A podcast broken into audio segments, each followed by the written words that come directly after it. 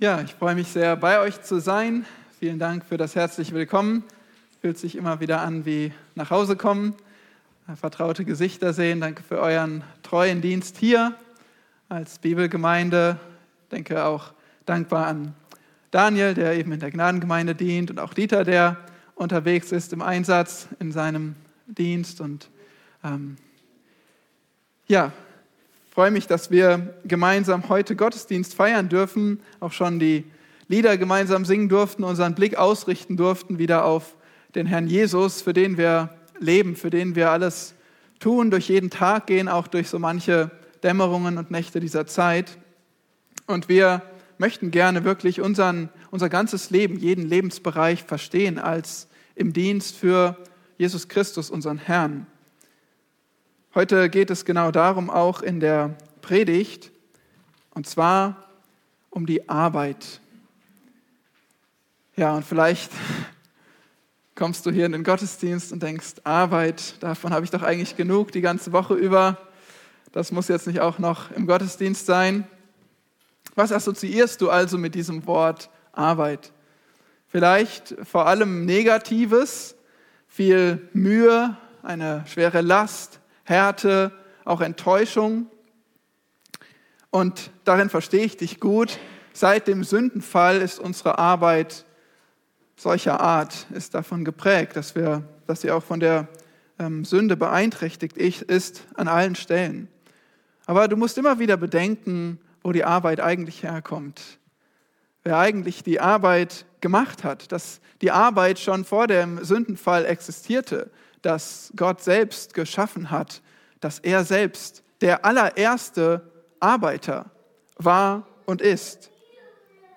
Und so müssen wir festhalten, Arbeit an sich ist völlig gut, von dem Schöpfer gemacht und gut erdacht. Es ist keine Strafe, sondern eine Gabe. Wie gesagt, der Schöpfer Gott selbst, er arbeitet, er hat gearbeitet und er hat damit nicht aufgehört. Jesus sagt in Johannes 5, Vers 17, mein Vater arbeitet bis jetzt und ich arbeite auch. Okay, also wenn du arbeitest, bist du ganz und gar nicht allein, sondern du hast Gott, den Schöpfer, den Herrn Jesus Christus an seiner Seite. Und sie arbeiten in einer sündigen Welt, genauso wie du. Die Frage für uns heute ist, wie solltest du als Christ über deine Arbeit in der sündigen Welt denken und sie angehen? Wie solltest du das als Arbeitnehmer tun, aber auch wie als Arbeitgeber? Immerhin nimmt die Arbeit tatsächlich einen großen Teil deiner Woche ein. Für die meisten Menschen ungefähr ein Viertel der ganzen Stunden der Woche. Und dann kommt natürlich noch hinzu der Haushalt, das Ehrenamt, die verschiedenen Dienste. Für einige von euch ist auch das Zuhause, der Haushalt selbst, die Familie, der, der Dienst, die Arbeit. Und auch dort äh, könnt ihr eine wichtige Rolle haben als CHO, als Chief Home Officer oder Chief Haushaltsofficer. Da gibt es ähm, eine Menge zu tun, das wisst ihr alle. Oder auch wenn ihr Schüler oder Studenten seid, ihr habt eine ganze Menge Arbeit, jede Woche. Es ist also wirklich wichtig, dass wir verstehen, wie sollen wir als Christen über unsere Arbeit denken und unsere Arbeit angehen. Tatsächlich sagt Paulus in dem Text, den wir heute anschauen, auch hier muss dein Glaube einen Unterschied machen.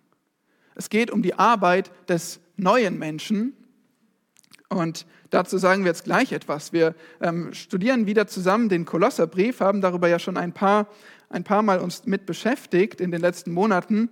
Und wir sind im Kolosserbrief Kapitel 3. Paulus schreibt an die Gemeinde in Kolossä, an eine recht junge, aber doch treue Gemeinde, die aber mit äh, Irrlehre konfrontiert war. Und die verstehen mussten, wer ist eigentlich Christus? Was ist unser Glaube an Christus? Wie ist Christus? Und wie haben wir in ihm alles, was wir brauchen? Die Fülle selbst. Ähm, das ist die Wahrheit, die die Gläubigen in Kolossä verstehen mussten. Aber dann ging es auch um den Wandel. Wie sollen wir nun als Christen leben? Und darum geht es vor allem in Kapitel 3 und 4. Paulus beginnt diesen Abschnitt in Vers, Kapitel 3, Vers 1 damit, dass er sagt, ihr seid mit Christus nicht nur gestorben und begraben, sondern auferweckt. Ihr lebt jetzt mit himmlischer Gesinnung. Ihr seid neue Menschen. Christus ist euer Leben. Vers 9, ihr habt den alten Menschen ausgezogen und seine Handlungen und den neuen Menschen angezogen. Vers 10. Deswegen sprechen wir von dem neuen Menschen. Wenn du in Christus bist, wenn du an Christus glaubst, bist du erneuert worden und ein neuer Mensch. Und als solcher lehrt Paulus, wie du leben sollst, Stück für Stück. Er zeigt ab Kapitel 3, Vers 5, wie du äh, Sünde ablegen sollst. Und äh, ab Vers 12 dann, wie du Gerechtigkeit anziehen sollst. Da geht es tatsächlich um die Kleidung eines Gläubigen, eines wahren Christen, Charaktereigenschaften, die du anziehen sollst. Vers 12 und Vers 15 bis 17, die Danksagung des neuen Menschen. Und dann ab Vers 18 spricht Paulus verschiedene Gruppen an. Er spricht erst das, die Eheleute an, dann die Familie und schließlich die Arbeitswelt. Nun, Kapitel 3, Vers 18, da sehen wir, ihr Ehefrauen ordnet euch euren Männern unter, wie es sich gebührt im Herrn. Und die Männer, Vers 19, ihr Ehemänner liebt eure Frauen und seid nicht bitter gegen sie. Dann in Vers 20, und diesen Text haben wir uns auch gemeinsam angeschaut, ihr Kinder seid gehorsam euren Eltern in allem, denn das ist dem Herrn wohlgefällig. Ihr Väter reizt eure Kinder nicht, damit sie nicht unwillig werden. Also wir sehen hier, Paulus spricht Stück für Stück erst das Ehepaar an, die Eheleute, spricht den, die Eltern und Kinder an. Und nun kommt er auf die Sklaven und die Herren zu sprechen. Warum diese einzelnen Gruppen? Damals war der, der Haushalt bestand tatsächlich, der war meistens etwas größer. Da lebten eben nicht nur das Ehepaar zusammen und einige Kinder, sondern auch Angestellte, beziehungsweise besser gesagt Sklaven. Ja, Knechte konnten es sein, die tatsächlich sich den Job aussuchen konnten, aber meistens gab es auch Sklaven in so einem Haushalt, die einfach verpflichtet waren, äh, für den Herrn des Hauses zu arbeiten. Und so waren da eine ganze Menge Leute in einem christlichen Haushalt im ersten Jahrhundert zusammen und die Frage war, wie kommen sie eigentlich miteinander aus? Wie sollen sie sich gegenüber einander verhalten? Und es werden die verschiedenen Gruppen alle angesprochen und wird gesagt, was deine Rolle ist und wie du nun als Christ leben sollst.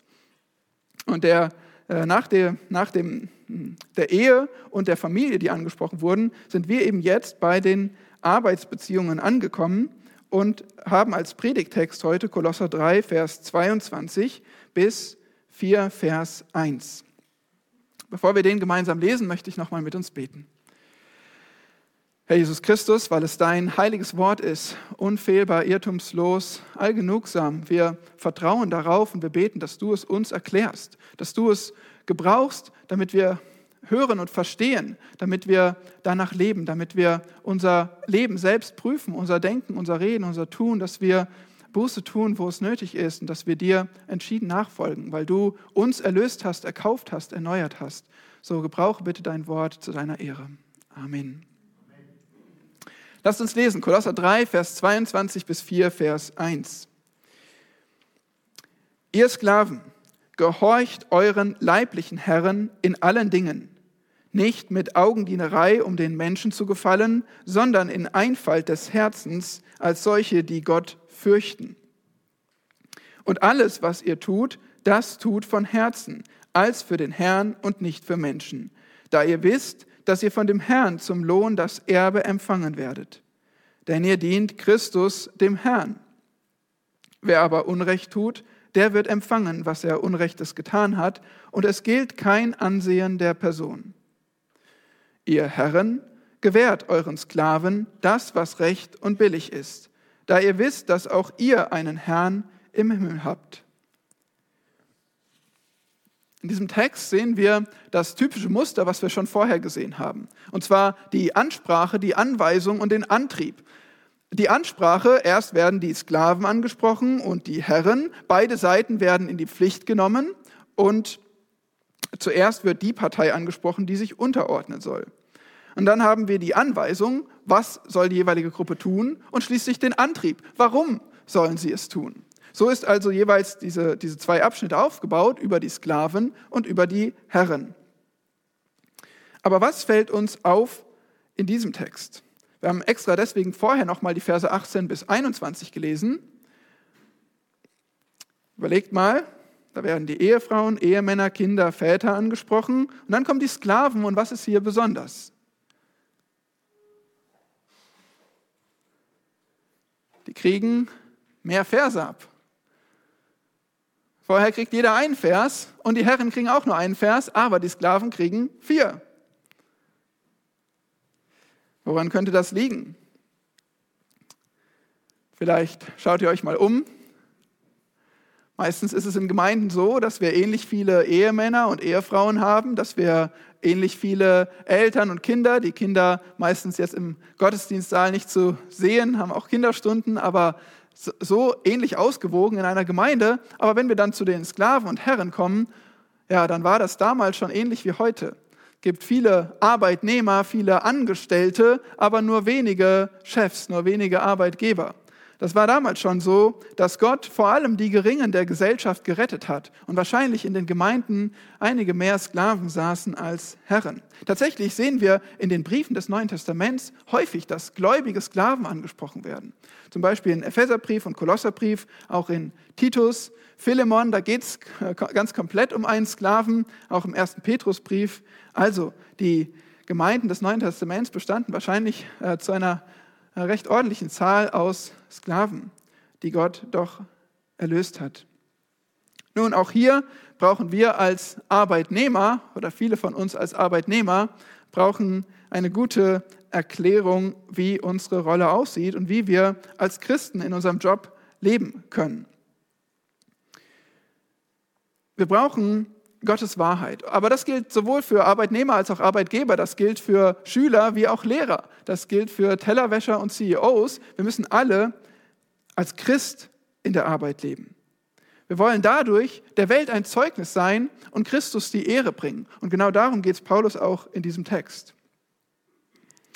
Es ist ja Sonntagnachmittag bekanntlich und wenn du nach Hause kommst und dich vielleicht noch etwas ausruhen kannst oder vorbereitest auf die nächste Woche und schlafen gehst, dann bricht auch schon der Montagmorgen an.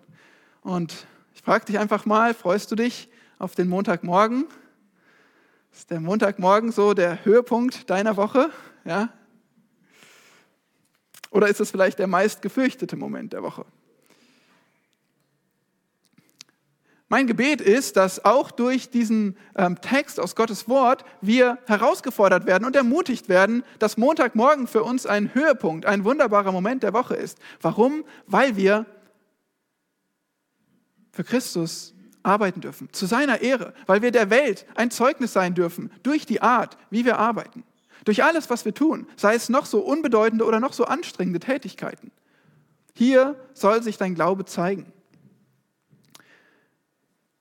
Wir betrachten in der Predigt zwei Aufforderungen, wie dein neues Leben in Christus deine Arbeit bestimmen soll. Zwei Aufforderungen, wie deine, dein neues Leben in Christus deine Arbeit bestimmen soll. Und das ist erstens, als Arbeiter oder Arbeitnehmer gehorche deinem Arbeitgeber. Das sehen wir eben in 3, Kapitel 3, Vers 22 bis 25. Und schließlich zweitens, als Arbeitgeber gewähre deinem Arbeiter Gerechtigkeit. Also beide Seiten werden angesprochen und die Arbeitnehmer sollen gehorchen, die Arbeitgeber sollen Gerechtigkeit gewähren. Wir schauen uns also erst die Arbeiter an. Und um diesen Text ein bisschen greifen zu können, Stück für Stück nachzuvollziehen, gehen wir, wie auch in dem letzten Text, mit ein paar W-Fragen vor. Wir schauen uns an, wer, was, warum, wie und wem. Oder wer, was, wem, wie, warum in der Reihenfolge. Wer? Ihr Sklaven. Das ist die Ansprache. Damit geht's los. Ihr Sklaven werdet angesprochen. Und vielleicht hast du dich schon gefragt, wenn du die Schlachterbibel vor dir hast, da steht doch, ihr Knechte, aber wahrscheinlich bist du in der Bibelgemeinde gut belehrt und weißt, dass hier eigentlich Doulos steht im Griechischen und das bedeutet tatsächlich Sklaven. Die Elberfelder und Lutherbibel übersetzen das, glaube ich, auch so. Es geht hier wirklich um Sklaven im Unterschied zu Knechten. Was ist der Unterschied zwischen Knechten und Sklaven?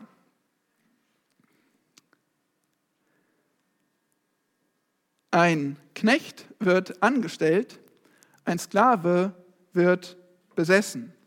Knechte werden angestellt, Sklaven werden besessen. Sie gehören ihren Herren. Sie müssen den Willen des Herrn tun, ob sie wollen oder nicht. Es gab keine Möglichkeit zu kündigen und sich einen anderen Job zu suchen. Sie gehören ihren Herren und müssen gehorchen. Der Herr könnte tatsächlich sehr grausam sein. Manche nutzten natürlich ihr, ihre hohe Position aus und behandelten ihre Sklaven grausam. Aber die Herren konnten auch sehr gut sein.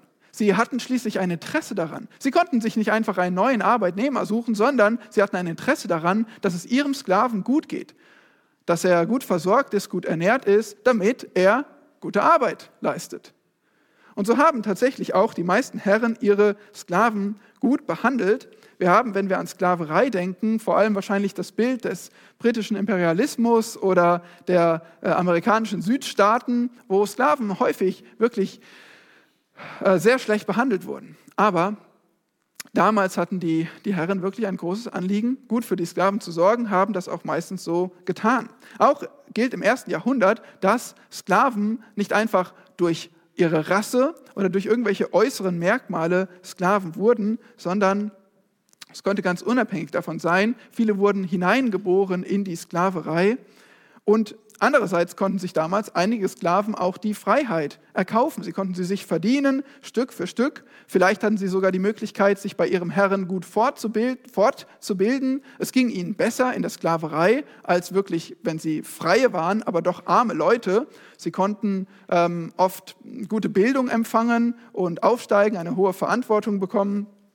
Also das ist so ein bisschen ein Abriss der Sklaverei im Neuen Testament. Wenn wir in, den, in dem Neuen Testament lesen, in den Briefen lesen, dann sehen wir interessanterweise nicht, dass irgendjemand versucht hat, die Sklaverei abzuschaffen. Es kam kein Paulus daher, auch kein Jesus. Keiner hat gesagt, weg mit der Sklaverei, sie ist an sich nur böse. Nein, sondern Paulus zum Beispiel hat akzeptiert, dass das die Situation ist. Er hat sie auch nirgendwo befürwortet. Er hat auch nicht gesagt, Sklaverei ist das beste System, so sollte es laufen. Aber er hat gesagt, wir nehmen das als gegeben an. Denn unser Ziel ist nicht, die Gesellschaft zu revolutionieren, sondern unser Ziel ist es, als Christen in der Gesellschaft zu leben. Und das ist eine total wichtige Beobachtung, auch für unsere Zeit. Wir können uns so viel damit beschäftigen, was denn gerecht ist oder was ungerecht ist, welche Partei gerade die Verantwortung hat, was für Gesetze sie erlässt oder nicht. Und das darf uns etwas beschäftigen. Wir können auch dafür beten, wir können auch unsere Überzeugung haben. Aber das Wichtigste ist, du als Christ hast nicht die Aufgabe, die Gesellschaft zu revolutionieren, sondern du hast die Aufgabe, inmitten der Gesellschaft gottesfürchtig zu leben. Okay, du hast nicht die Aufgabe, die Gesellschaft zu revolutionieren, sondern inmitten dieser Gesellschaft gottesfürchtig zu leben. Ganz gleich, ob du in Deutschland bist oder in Amerika, in Nordkorea, in China, in Simbabwe. Du sollst einfach als Christ gottesfürchtig leben. Und das ist für uns ja so, ein wichtig, so wichtig, dass wir das verstehen, dass wir diesen Fokus einnehmen in unserem alltäglichen Leben. Dass wir uns nicht darauf konzentrieren, uns zu ärgern über das, was alles falsch läuft und Dinge revolutionieren zu wollen, sondern dass wir vielmehr versuchen zu evangelisieren, dass wir versuchen, die Menschen zu gewinnen in dieser Gesellschaft, inmitten der Umstände, in der wir uns befinden. Und das Schöne ist, wenn wir das tun, wenn wir darin treu sind, dann werden wir sogar die Gesellschaft revolutionieren. Weil nichts könnte das besser, als wenn Menschen zum Glauben kommen, wenn Menschen von innen heraus verändert werden, eine neue Gesinnung haben. Das wird unsere Gesellschaft revolutionieren. Wenn der Herr Gnade schenkt, wenn du ein treues Zeugnis bist, wenn der Herr Menschen rettet, das wird die Gesellschaft verändern. Nun, Gott sei Dank gibt es in Deutschland keine Sklaverei, und wir wenden den Text eben am besten in unseren Umständen so an, dass wir von denen sprechen, die Verantwortung haben, die ähm, ähm, über Arbeitnehmer herrschen, bestimmen können, leiten können und über die, die Arbeitnehmer sind und die Befehlen folgen müssen und sich unterordnen müssen. Das heißt, wir wenden das vor allem auf Arbeitnehmer und Arbeitgeber an in unserem Kontext. Das war der erste Punkt. Wer? Ihr Sklaven. Zweitens, was? Hier steht, gehorcht in allen Dingen. Gehorcht ist dasselbe Wort, wie wir schon bei den Kindern gesehen haben in Vers 20. so wie Kinder sich ihren Eltern unterordnen sollen, gehorchen sollen, Befehle annehmen sollen, sich Autorität unterwerfen sollen, so sollst du dich als Arbeitnehmer verhalten. Und zwar in allen Dingen, auch ebenso wie bei den Kindern. Nicht in vielen Dingen, nicht in einigen, nicht in den meisten, nicht da, wo du es nachvollziehen kannst und der Chef wohl eine gute Entscheidung getroffen hat, sondern in allen Dingen. Gehorchen, dich der Autorität fügen. Und spätestens jetzt denkst du dir, ich weiß nicht ganz, ob ich da mitgehen kann.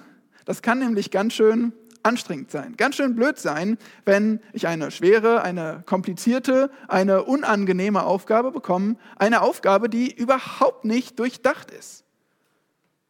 Natürlich kannst du respektvoll Feedback geben, aber der Punkt ist, gehorche, ordne dich unter in allen Dingen. Das ist dein Auftrag von Christus. Für manche ist es vielleicht so, dass der Chef noch gar nicht so erfahren ist, dass du schon viel mehr Erfahrung im Job hast, dass du in bestimmten Bereichen vielleicht einiges mehr gelernt, studiert hast und es besser weißt oder es besser zu wissen meinst. Ist nicht relevant. Gehorche in allen Dingen. Das ist deine Aufgabe als Arbeiter, als Arbeitnehmer.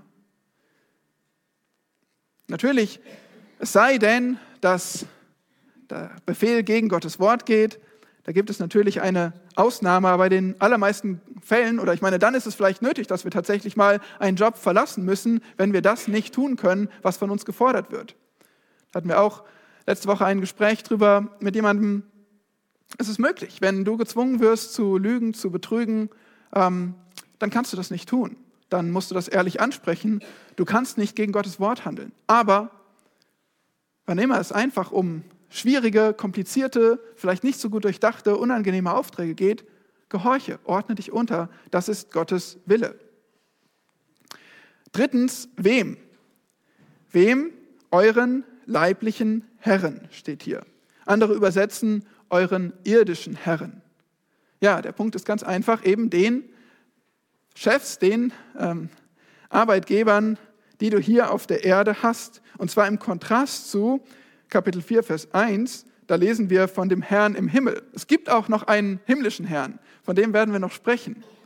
Das ist unser Herr Jesus Christus. Aber hier geht es erstmal um die leiblichen oder irdischen Herren. Die haben eine Autorität über euch. Ja, sie werden hier Herren genannt, natürlich in Bezug auf die Sklaven, aber auch über euch als Arbeiter haben sie eine Autorität. Was dich beruhigt oder beruhigen darf, ist, diese Autorität haben sie nur zeitweise. Genauso wie auch unser Leben, unser Leib, das irdische vergeht. Darüber könnt ihr erleichtert seufzen. Wem auch immer du dich gerade unterordnen musst, es ist nicht für immer, aber für den Moment schon. Wie sollst du dich unterordnen? Wie sollst du gehorchen? Jetzt wird es interessant. Hier hat Paulus eine Menge zu, zu sagen. Es geht los in Vers 22 mit den Worten, nicht mit Augendienerei, um den Menschen zu gefallen. Augendienerei, da steckt auch wieder Dulos drin. Wir könnten auch sagen Augensklaverei. Paulus hat hier diesen Gedanken, hat wahrscheinlich ein neues Wort hier geschöpft, aber geschaffen, aber Augendienerei kennen wir auch im Deutschen. Es ist einfach der Dienst, der für die Augen getan wird. Der Dienst, der vor den Augen getan wird. Der, der den Augen gefallen soll. Aber damit wird was impliziert. Es gibt nämlich noch mehr als die Augen. Ja, der Chef, der schaut manchmal zu. Und dann versuchst du den Augen zu gefallen. Dann versuchst du vielleicht besonders treu und hart und gut und akribisch zu arbeiten. Es gibt aber auch die Momente, wo keiner hinschaut. Und wahrscheinlich sind es sogar die, ist sogar die Mehrzahl der Momente. Da zeigt sich, ob du mit Augendienerei arbeitest oder nicht. Nun, wie sind unsere Situationen im Arbeitsumfeld? Wir kriegen vielleicht, der, der Chef gibt uns eine Aufgabe und äh, wir nicken fröhlich und freundlich und sagen, ja, genau, werde ich tun, natürlich, zu Befehl. Und vielleicht schon im nächsten Moment, wo er das Zimmer verlässt, rollen wir mit den Augen, sagen vielleicht den Kollegen, ach, was soll denn das jetzt wieder? Was hat er sich denn dabei gedacht? So ein Quatsch. Ah, das ist Augendienerei. Das ist dem Chef gefallen, dann, wenn er guckt, dann, wenn er mit dir redet. Oder wie hart können wir arbeiten, wenn jemand zuschaut und wie sehr ändert sich unsere Arbeit, wenn keiner zuschaut. Vielleicht erleben wir das niemals so sehr wie im Homeoffice, wo wir sehr aufmerksam sind in den Gesprächen, wenn die Kamera eingeschaltet ist. Und was passiert dann, wenn das Meeting vorbei ist? Schalten wir dann gleich zwei Gänge runter? Für mich war das immer so deutlich im Fußballtraining früher, wenn, wenn irgendwie der Trainer geschaut hat und, und wollte, dass wir sprinten und dann irgendwie kaum weggeschaut. Es wurde gleich gegangen, spaziert und, und kaum wurde er wieder hingeschaut, dann wurde wieder gerannt. Und das ist einfach so ein krasser Gegensatz gewesen. Aber denk, ich denke, so arbeiten viele Menschen. Und vielleicht auch du oder ich. Vielleicht ist es bei den Schülern so, dass man, der Lehrer geht rum, schaut mal über die Schulter, ja, wird auch, wird auch alles fleißig gemacht und dann, dann flitzen natürlich die Stifte übers Papier, aber wenn er vorne vertieft ist in seine ähm, Klassenarbeiten, die korrigiert werden müssen oder sowas, dann wird gemütlich gearbeitet, vielleicht getuschelt, vielleicht abgeschrieben. Das sollte nicht so sein, auch für euch Kinder, für euch Schüler. Das ist Augendienerei. Das ist einen Unterschied machen, ob jemand zuschaut oder eben nicht. Dann müsstest du eigentlich deine Stellenbezeichnung ändern. Egal was gerade deine Stellenbezeichnung ist, dann darfst du dich ab sofort Schauspieler nennen. Nur gar nicht so gewollt. Du wirst nämlich nicht für Schauspiel bezahlt. Um den Menschen zu gefallen oder als Menschengefällige wird hier dieses äh, Augendienerei noch etwas konkretisiert und genau auf den Punkt gebracht, wem versuchen wir eigentlich zu gefallen, wenn wir so arbeiten? Wir versuchen Menschen zu gefallen. Wir möchten das Lob bekommen, die Anerkennung bekommen, dann, wenn jemand es sieht, wenn jemand es bewerten kann. Aber es ist einfach ein Fokus auf Menschen. Und das ist ein Problem. Das ist ein Problem, weil diese Menschen, die sind gar nicht unsere höchste Autorität. Denen gehört nicht unser Leben. Die Menschen, die sind tatsächlich nur zu Zeiten da. Die können nur manches nachprüfen. Die können deine Arbeit, vielleicht, vielleicht kriegst du immer wieder Lob für deine Arbeit. Und du denkst, passt doch alles. Ich werde immer gelobt, ich, ich ich arbeite schon gut, aber du weißt eigentlich, dass du nicht immer treu bist. Dann kannst du zwar Menschen gefallen, aber du gefällst nicht deinem Herrn. Denn wenn wir überlegen, wie wir vor Augen von Menschen arbeiten und dass diese Augen auch mal weg sind, welche Augen sind immer da? Wenn du nach Augen schaust, wenn du auf Augen achtest, die auf deine Arbeit achten, dann müsstest du eigentlich immer aktiv sein.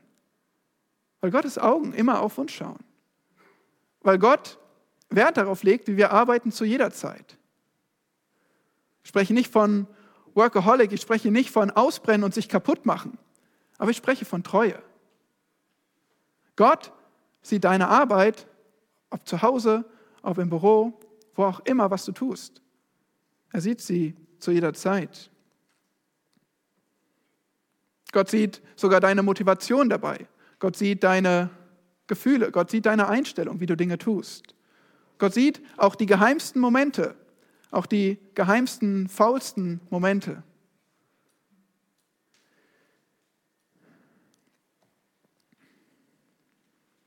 Einmal mehr, so häufig werden wir damit konfrontiert, äh, wenn wir uns mit der Schrift beschäftigen, wie sehr wir eigentlich Menschen fürchten. So sehr achten wir darauf, was denkt jemand von mir.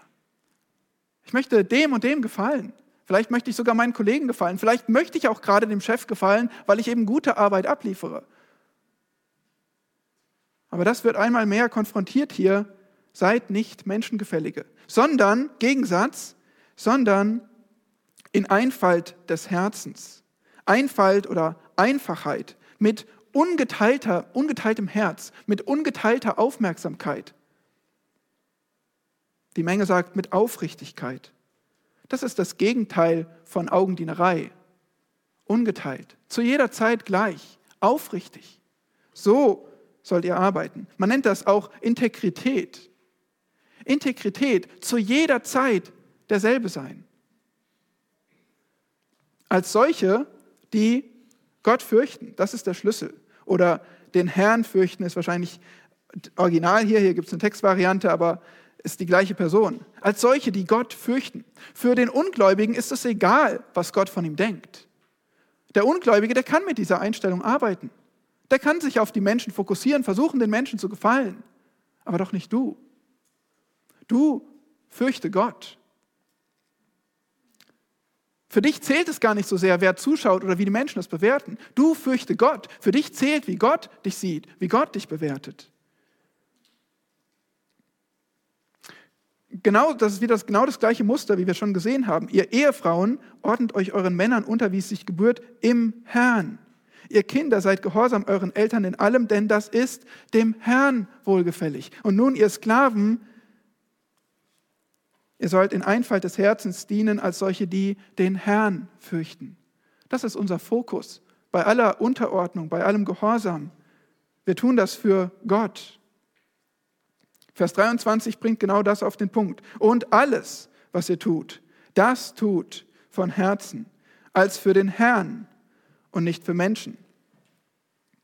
Den Vers hast du vielleicht auswendig gelernt oder du möchtest ihn auswendig lernen, das ist gut.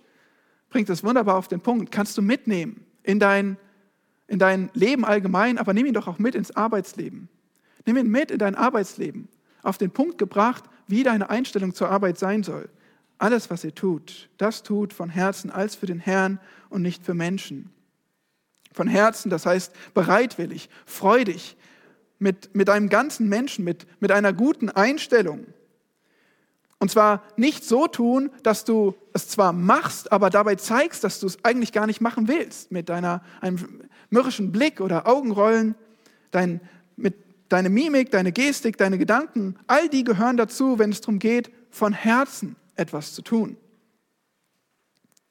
als für den Herrn und nicht für Menschen. Das heißt, als Christ und nicht nur als Sklave oder Arbeitnehmer der Menschen.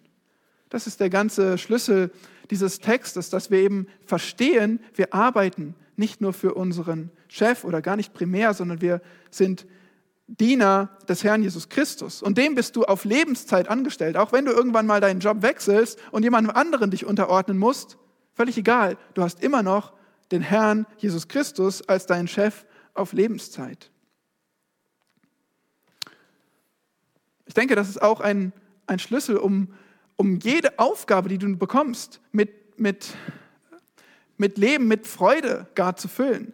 Wenn du eine Aufgabe bekommst von deinem Chef und sagst, hier spricht eigentlich der Herr Jesus Christus, der gibt mir gerade diese Aufgabe, weil er hat nämlich Autoritäten eingesetzt. Und es gefällt ihm, wenn ich mich unterordne und treu die Aufgaben ausführe. Ob du also abtippst oder prüfst, ob du korrigierst, ob du kopierst, telefonierst, Windeln wechselst, Essen kochst, was immer du tust. Vers 17 sagt genau diese Wahrheit, was immer ihr tut in Wort oder Werk, das tut alles im Namen des Herrn Jesus und dankt Gott dem Vater durch ihn ob du programmierst oder reparierst, ob du schraubst oder baust, was immer du tust. Tu es im Namen Christi, das heißt als ein Christ, im Gehorsam gegenüber ihm, mit Dank und zum Dienst und zum Zeugnis für ihn.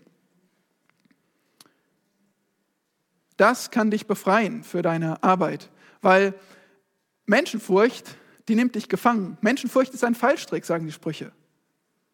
Aber wenn du verstehst, dass du dem Herrn dienst in allem, dann kann dich das befreien von diesem Fallstrick. Paulus sagt in 1. Korinther 4, mir aber ist es das Geringste, dass ich von euch oder von einem menschlichen Gerichtstag beurteilt werde, auch beurteile ich mich nicht selbst, sondern der Herr ist es, der mich beurteilt. wer, was, wem, wie. Fünftens, warum. Warum? Vers 24 und 25, Paulus gibt hier wieder einen Grund, wie schon bei den vorigen Gruppen, warum sollt ihr eigentlich diesen Befehl ausführen? Hier ist der Grund sogar zweierlei. Vers 24 ist ein positiver Grund und Vers 25 der negative. Vers 24, gehorcht euren Herren, dann wird Gott euch belohnen. Oder Vers 25, gehorcht euren Herren, sonst wird Gott euch bestrafen. Okay, es ist der gleiche Punkt, eigentlich die gleiche Motivation. Warum solltest du dich unterordnen, gehorchen? Weil dann wird Gott dich belohnen und sonst, wenn du es nicht tust, wird Gott dich bestrafen. Vers 24, die positive Seite, da ihr wisst, dass ihr von dem Herrn zum Lohn das Erbe empfangen werdet. Da ihr wisst, es ist also nichts Neues. Ihr wisst das schon. Ich kann es nur wiederholen. Paulus konnte es nur wiederholen. Ihr wisst das schon, dass ihr vom Herrn zum Lohn das Erbe empfangt.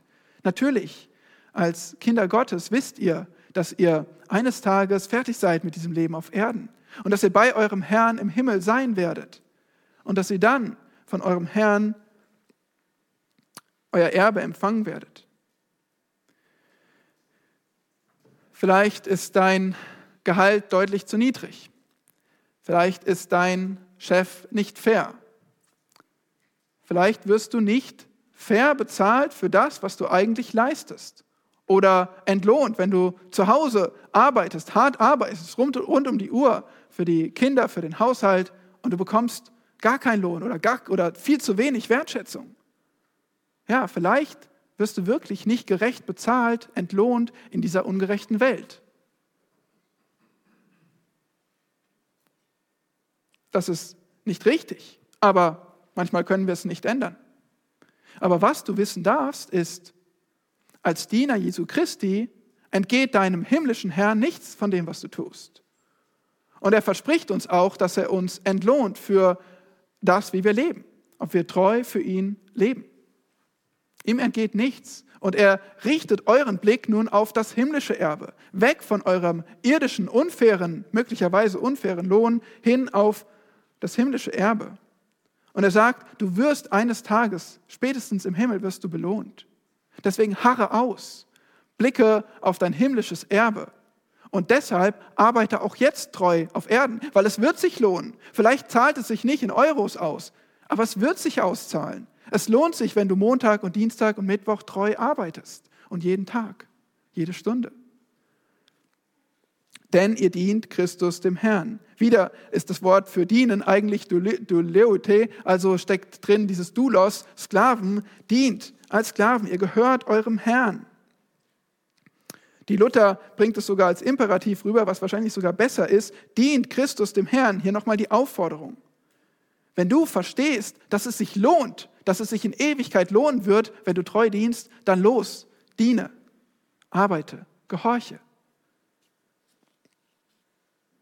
Und wenn, wir, wenn dir das noch nicht als Motivation reicht, dann schiebt Paulus hinterher, Vers 25, es gibt auch noch die andere Seite, eine Warnung. Wer aber Unrecht tut, der wird empfangen, was er Unrechtes getan hat. Warum solltest du deinem irdischen Herrn und dadurch Jesus Christus gehorchen? Weil sonst wird er strafen. Wie ist das zu verstehen? Vielleicht ein Stück Hintergrund nochmal. Wir sind hier bei den Kolossern im ersten Jahrhundert. Paulus schreibt dieser Gemeinde, die er vorher noch nicht selbst besucht hat. Teil dieser Gemeinde war ein gewisser Philemon. Wahrscheinlich versammelte sich diese Gemeinde in seinem Haus. Und der Philemon hatte einen Sklaven, der ihm entlaufen war, der Onesimus. Und dieser Sklave kehrte zusammen mit dem Kolosserbrief und dem Philemonbrief zurück. Und Philemon, ihr wisst das, sollte ihm vergeben. Nun, jetzt könnte man meinen, ja, ein christlicher Herr wie Philemon, der muss seinem Sklaven vergeben, weil er ist ja Christ geworden. Er bittet um Vergebung. Insofern, ob man wegläuft oder nicht, ob man es ein bisschen lässiger nimmt, christliche Herren hat, nicht so treu, nicht so hart arbeitet, macht doch nichts. In Christus sind wir alle eins, alles vergeben. Vielleicht auch deshalb spricht Paulus das hier so deutlich an und sagt, nein, es hat doch Konsequenzen, wenn du dich nicht unterordnest, wenn du nicht treu deinem Herrn gehorchst. Der, der vergilt, ist hier nicht ein irdischer Herr, sondern der himmlische, der Herr Jesus Christus. Nach wie vor wird hier die Gemeinde angesprochen in Vers 25. Es geht hier nicht um Unglauben und die ewige Strafe in der Hölle. Die Gemeinde wird angesprochen. Ihr als Christen, wer aber unter euch Unrecht tut, der wird empfangen, was er Unrechtes getan hat. Es geht also höchstwahrscheinlich hier um das Preisgericht der Christen. Wir sehen in 1. Korinther 3 oder 2. Korinther 5 davon, wie wir alle vor Christi Richterstuhl erscheinen müssen. Und das dürfen wir nicht verwechseln. Unsere, unser Heil kann uns niemand nehmen. Wenn du wahrhaft gerettet bist, wenn du Christi Gnade erlebt hast oder lebst in deinem Leben, dieses wird dir niemand nehmen können. Auch deine Untreue, auch deine Fehler, die du machst in deinem Arbeitsleben. Aber es macht sehr wohl einen Unterschied. Es ist sehr wohl wichtig für Gott, wie du arbeitest, was du für Werke tust. Nicht, um dadurch gerettet zu werden, aber um dadurch dafür ihm die Ehre zu bringen und belohnt zu werden. Und andererseits heißt es, wenn wir nicht treu sind, dann wird uns das zur Schande gereichen. Dann wird uns das beschämen. Wir sind alle schwach und fallen hin, aber durch Christi Kraft dürfen wir wieder aufstehen und wir dürfen das Wort Gottes hören und wir sollen darauf reagieren. Ja, du hast eine Verantwortung, wenn du das Wort Gottes liest und hörst. Du sollst Täter sein, du sollst Buße tun über das, was du erkennst, wo der Herr dich überführt. Es ist ihm sehr wichtig, dass wir treu leben, dass wir das Richtige tun und dass, wo wir ungerecht leben, dass wir darüber Buße tun. Ohne Ansehen der Person wird er richten. Es gilt kein Ansehen der Person.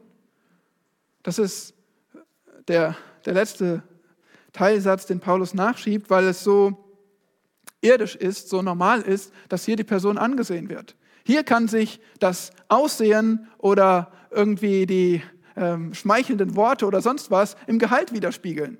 Hier kann es sich im Gehalt widerspiegeln, wie welcher Rasse, welcher Hintergrund, welcher Kultur, welcher Sprache du angehörst. Aber im Himmel wird es kein Unfairness geben, keine Ungerechtigkeit, kein Ansehen der Person, sondern Christus sieht die Herzen, sieht die Motivation, sieht die wahre Treue und dementsprechend wird er belohnen oder nicht. Der Puritaner John Carter besuchte mal einen Gerber. Die Gerber verarbeiteten Tierhäute zu Leder und das war oft mit einigem Gestank und auch Gefahr für die Gesundheit verbunden. Also dieser Gerber, der hatte keine, keinen tollen Job, würden wir sagen. Und so dachte er auch selbst. Nun, der Puritaner John Carter, der kam und er klopfte ihm freundlich auf die Schulter. Und der Gerber erschrak und errötete und sprach, Herr, ich schäme mich, dass Sie mich so vorfinden. Darauf antwortete Carter, möge Christus mich so finden, wenn er kommt. Der Gerber sagte, was? solches, solch eine Arbeit zu tun? Und Carter antwortete, ja, treu die Pflichten meiner Berufung erfüllend. Tatsächlich wird unser Herr Jesus Christus wiederkommen und er wird uns irgendwie finden. Wir lesen in Matthäus 25 von dem Gleichnis,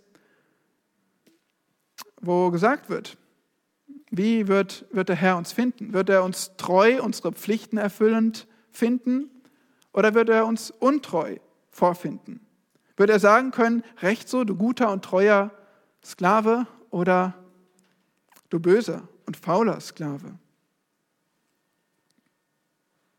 Hier ist noch etwas, was so wichtig ist. Es ist völlig egal, was dein Job ist. Es ist völlig egal, ob du einen sehr wenig angesehenen Job machst schlecht bezahlt, ob du zu Hause arbeitest, gar nicht bezahlt wirst. Es ist, es ist egal, was dein Job ist. Du, wir alle, wir sind Vollzeitler im Dienst des Herrn. Wir alle, für uns alle zählt, wie wir unseren Job tun. Egal wie die Welt den Job ansieht, egal wie deine Verwandtschaft den Job achtet. Wir alle sind Vollzeitler, nicht nur die Pastoren. A.W. Tozer sagt, Zitat, nicht was ein Mensch tut, bestimmt, ob sein Werk heilig oder säkular ist, sondern warum er es tut. Zitat Ende. Ob du Vollzeitler bist für den Herrn, das wird nicht daran entschieden, was du tatsächlich tust, sondern ob du es für den Herrn tust. Ob du dir bewusst bist, dass, dass jede Minute zählt, dass, dass einfach wie du deiner Arbeit nachgehst, mit welcher Gesinnung du ihr nachgehst, dass das vor dem Herrn zählt. Du brauchst also kein Prediger werden, um Christus zu verkünden, sondern du kannst es tun durch die einfachen Tätigkeiten deiner Hände. Sogar der Herr Jesus selbst, was hat er getan, als er auf die Erde kam? Der Schöpfer des Universums, er hat mit Händen gearbeitet, oder? Als Zimmermann war sich nicht zu schade zu arbeiten. Paulus war sich auch nicht zu schade, immer wieder arbeiten zu gehen. Als Christ bist du ein Sklave Jesu Christi und deshalb berufen, ihm zu gehorchen und ihn dadurch zu ehren.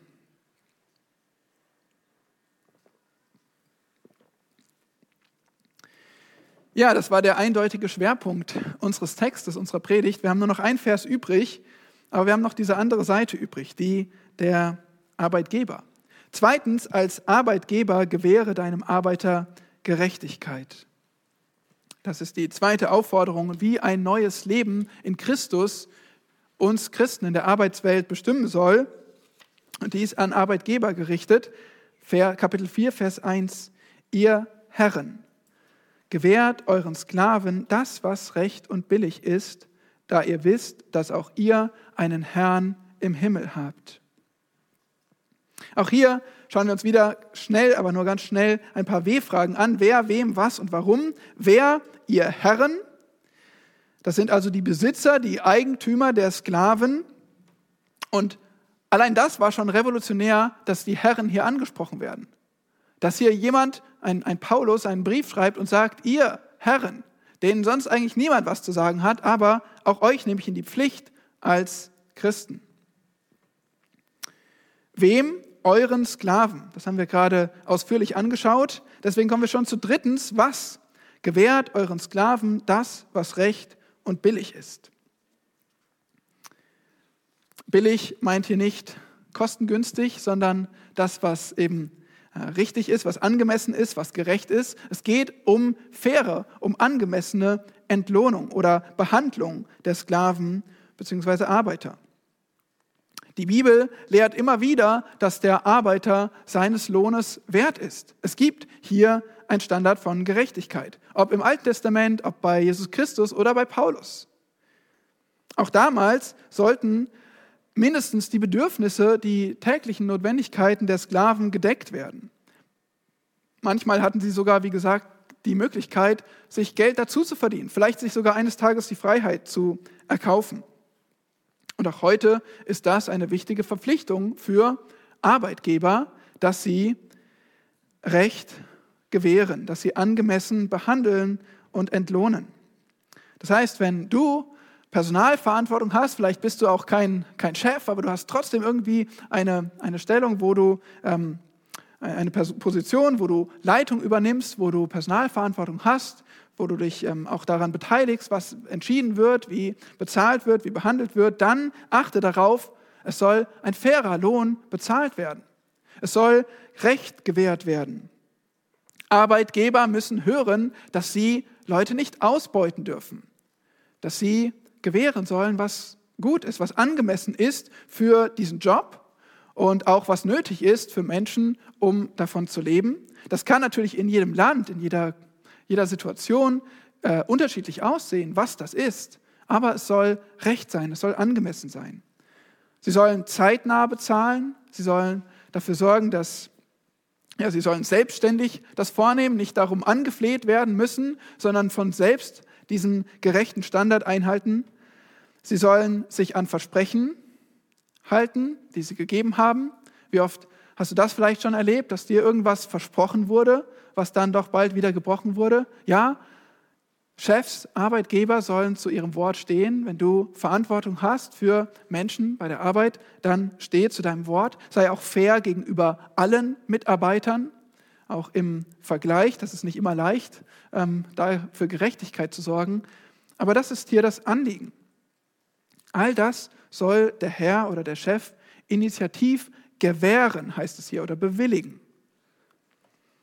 Das ist das Was und schließlich warum. Warum sollte ich das eigentlich tun als Herr, als Arbeitgeber? Warum sollte ich eigentlich so handeln, wenn mich davon dazu niemand in die Pflicht nehmen kann? Ich kann doch machen, was ich will. Hier steht wieder da ihr wisst, das kennen wir schon aus Kapitel 3, Vers 24, ja, jeder Christ weiß es, und zwar, was wisst ihr, dass auch ihr einen Herrn im Himmel habt. Warum solltest du als Arbeitgeber deine Arbeitnehmer so behandeln? Weil du einen Herrn im Himmel hast. Nicht, weil es das römische Gesetz sagt oder das deutsche Gesetz. Auch nicht, weil die Sklaven oder vielleicht die Gewerkschaften euch sonst an die Gurgel gehen. Nein, es reicht einfach aus, dass ihr einen Herrn im Himmel habt. Deshalb sollt ihr gerecht behandeln. Das Argument ist also genau das gleiche wie bei den Sklaven schon.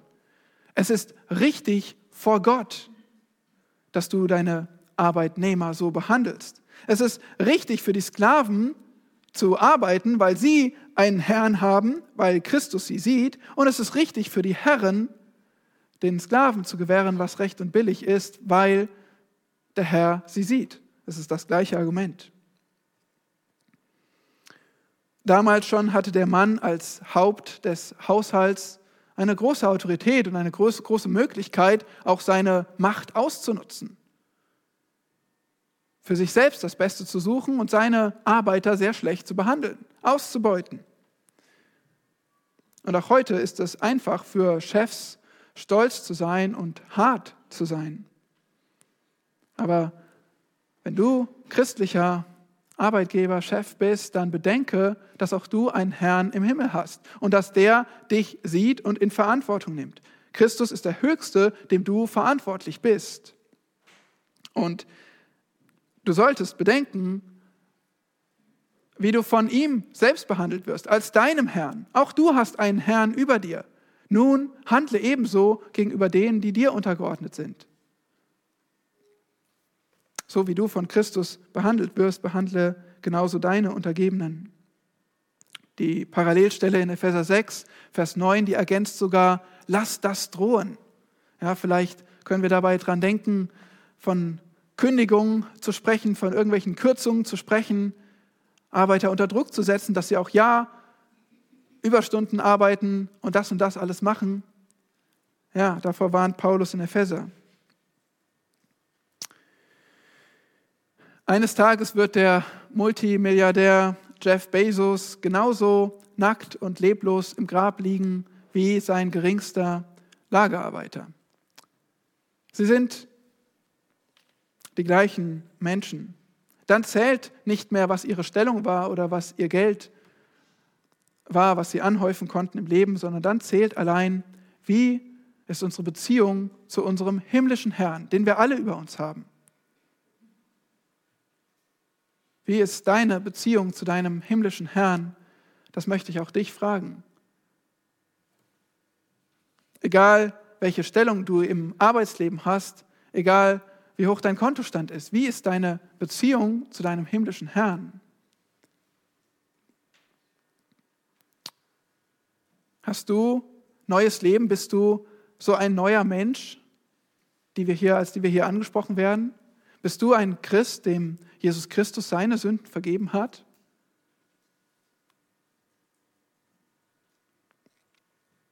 Eines Tages wird eben alles vergehen, was wir, was wir vor Menschen tun können, was wir vor Menschen anhäufen können, was wir vorgeben können zu sein. Dann zählt allein, wer wir vor Christus sind, ob er auch deine Schuld getragen hat. Und das bitte ich dich zu bedenken. Du kannst heute ihn um Vergebung bitten und dieses neue Leben erfahren, von dem wir sprechen, dieses neue Leben, was er jedem Menschen anbietet. Egal, was dein, dein IQ ist, egal, was dein Arbeitsplatz ist, egal, was dein Gehalt sagt. So musst du dich vorbereiten auf deine allerletzte Lohnabrechnung, dass du bereit bist für den Herrn und deine Begegnung mit ihm. Wir haben zwei Aufforderungen uns angeschaut, wie das neue Leben in Christus deine Arbeit bestimmen soll. Als Arbeiter gehorche deinem Arbeitgeber, als Arbeitgeber gewähre deinem Arbeiter Gerechtigkeit. Und wenn du das tust, dann herzlichen Glückwunsch, dann bist du ein Alien in dieser Welt. Dann bist du alles andere als normal, weil das macht man nicht. Aber das machen Christen. Das machen Christen, die nicht darauf schauen, was sie rausholen können, nicht, die, die, die nicht darauf schauen, was für sie vielleicht gerade das angenehmste oder beste ist, aber die für Jesus Christus leben, in jedem Kontext ihres, ihres Lebens, in jedem Umfeld, wo sie sich befinden. Martin Lloyd Jones schreibt, dass während des Zweiten Weltkriegs Stalin plötzlich die Regeln gegenüber Christen in Russland lockerte. Lloyd Jones schreibt, Zitat, wir alle waren erstaunt. Die Erklärung war, wie man mir zu verstehen gab, dass sogar Stalin die Beobachtung gemacht hatte, dass die zuverlässigsten Arbeiter in seinem ganzen Reich Christen waren. Er konnte sich darauf verlassen, dass sie ihre Arbeit ausführten. Zitat Ende. Das kann sogar der gottloseste Mensch erkennen, dass ein Christ anders arbeitet, oder das sollte er erkennen können.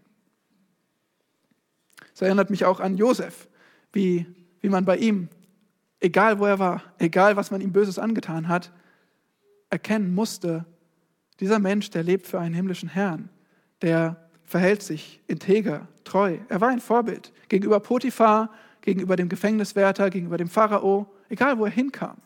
Er lebte integer. Er war ein Zeugnis für Gott. Wie gesagt, Gott möchte nicht, dass du die Gesellschaft revolutionierst. Er möchte, dass du sie evangelisierst. Er möchte, dass du ein Zeugnis, ein Licht bist inmitten einer Gottes, gottlosen Gesellschaft. Er will, dass du gerne arbeitest. Ja, dass du gerne arbeitest, weil die Arbeit gut ist, weil die Arbeit vor Gott richtig ist, gut eingesetzt ist. Er will, dass du treu arbeitest, weil Autorität etwas Gutes ist und Gott Autoritäten eingesetzt hat. Gott möchte, dass du demütig arbeitest, weil du auch Ungeliebtes zu Christi Ehre tun kannst. Gott möchte, dass du zukunftsgerichtet arbeitest, weil du weißt, dass du eines Tages im Himmel einen fairen Lohn bekommst. Und Gott möchte, dass du bezeugend arbeitest, weil du weil deine Arbeit mit Christus assoziiert wird. Wenn man auf dein, deine Arbeit schaut und weiß, dass du Christ bist, dann bringt man das in Verbindung. Und so schreibt Martin Lloyd Jones weiter, Zitat, vernachlässigte Arbeit, schlampige Arbeit, hastige Arbeit und halbherzige Arbeit sind ein äußerst schlechtes Zeugnis. Schlechte Arbeit ist die schlimmstmögliche Empfehlung für das Christentum. Zitat Ende. Ja, so können wir den Sohn Gottes blamieren. So können wir Christus schlecht darstellen in dieser Welt, wenn wir solche Arbeit tun.